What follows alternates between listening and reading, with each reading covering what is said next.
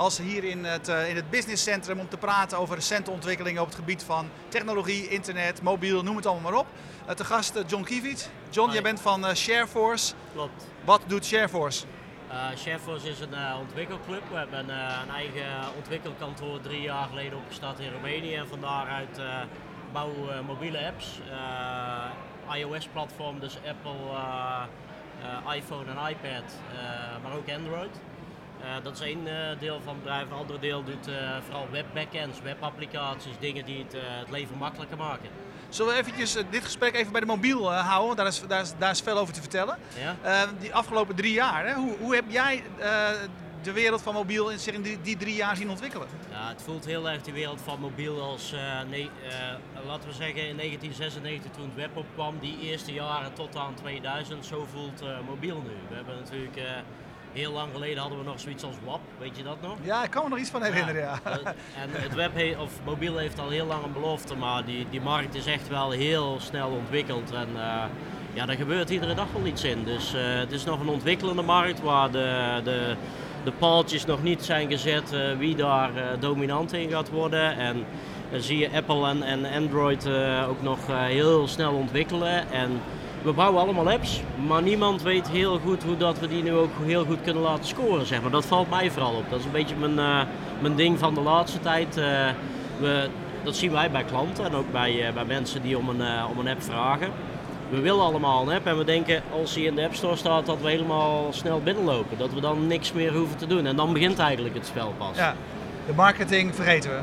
Ja, je ziet, uh, dat hebben we op het web natuurlijk ook gezien. Die hele online marketingindustrie heeft zich ontwikkeld nadat uh, de hele webindustrie is gekomen. Eerst bouwden we websites, daar kwam niemand. Nu bouwen we apps en hebben we eigenlijk hetzelfde probleem. Dus er is nog heel veel te winnen in, uh, denk ik. En ik heb daar vorige week nog, nog ergens een presentatie over gegeven. Over App Store Optimization. Daar is heel veel in te winnen. Wij zien klanten die daar het accent op leggen dat die wel succesvol zijn. Ja, er zit uh, in de markt is er nog volledig te doen, maar er is ook heel erg weinig kennis, valt mij op. Ja. Ik krijg uh, drie regelige e-mailtjes van ik wil een app.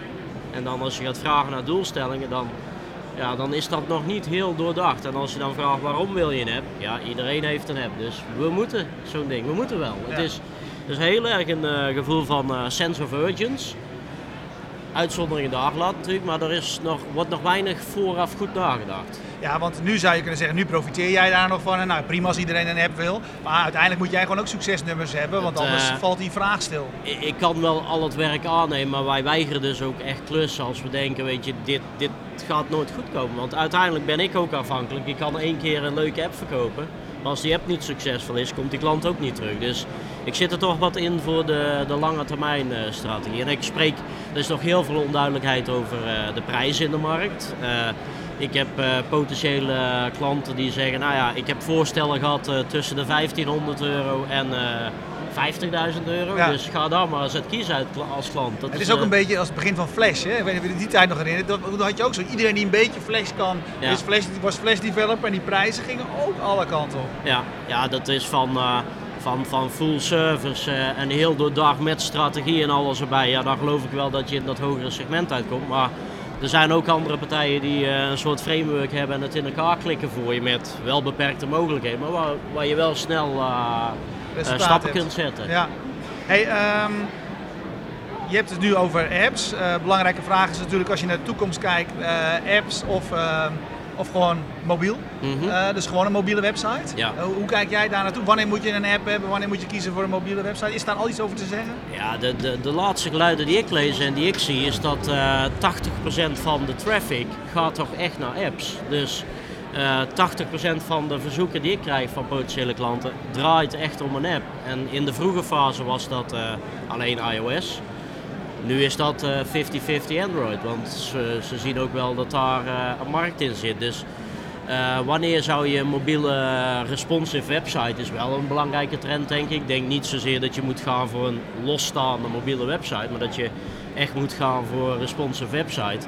Makkelijker te onderhouden, in principe goedkoper, maar net iets minder mogelijkheden. Dat, telefoontje heeft toch nog een aantal unieke functies die, eh, die je beter met een native app uit kunt nutten dan eh, met een responsive website bijvoorbeeld. Ja, Ehm ander belangrijk ding van mobiel is eh, geld verdienen. Ja. Eh, bedoel, de, de traffic gaat er helemaal richting mobiel, dat is wat we met z'n allen zien. Ja. Maar met z'n allen zien we ook dat de geldstromen nog niet dezelfde kant op gaan. Hoe kijk jij daar? Ja, dat wat.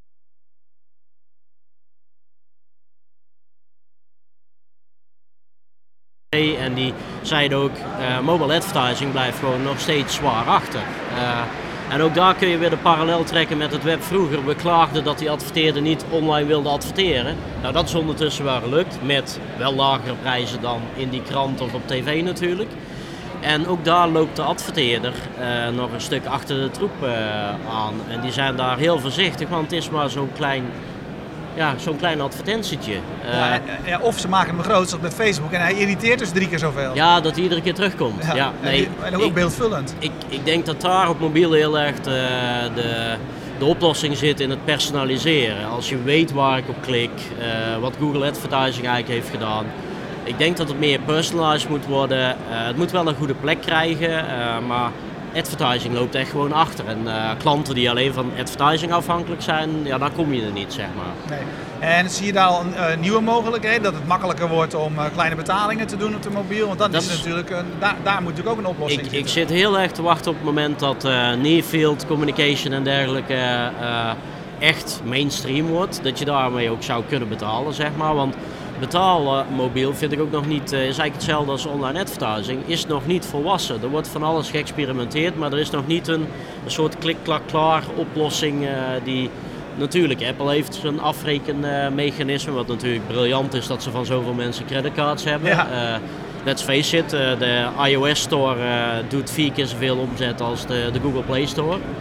En dat komt omdat ze die in-app eh, transacties goed voor elkaar hebben. En het voor mij als consument ook heel makkelijk maken om eh, te kopen. Dus eh, er- zijn nog wel een aantal barrières te slechten. Echt het geld verdienen met advertising is nog niet op gang gekomen. Mobiel betalen is er één.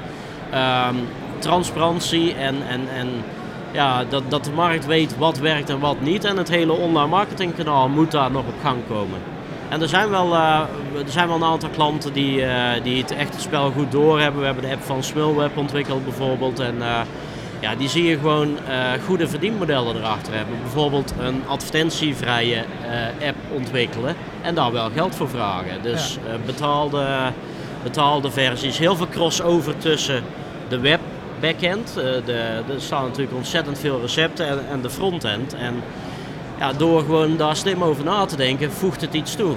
Maar ik zie ook nog steeds mensen die zeggen, ja, moet ik wel als uitgever mijn content in een app stoppen, want dan eet het omzet weg ergens anders. Ja. ik vind dat niet, ik snap dat niet echt, want ik denk dat het iets toevoegt in je, in je portfolio. Je kunt bijna niet anders dan op al die plekken gewoon aanwezig zijn. Ja. Of het nu met een responsive website is of met apps en een fatsoenlijke website natuurlijk. Hey, Zo'n evenement als dit, eh, wanneer is dat eh, voor jou geslaagd om hier geweest te zijn?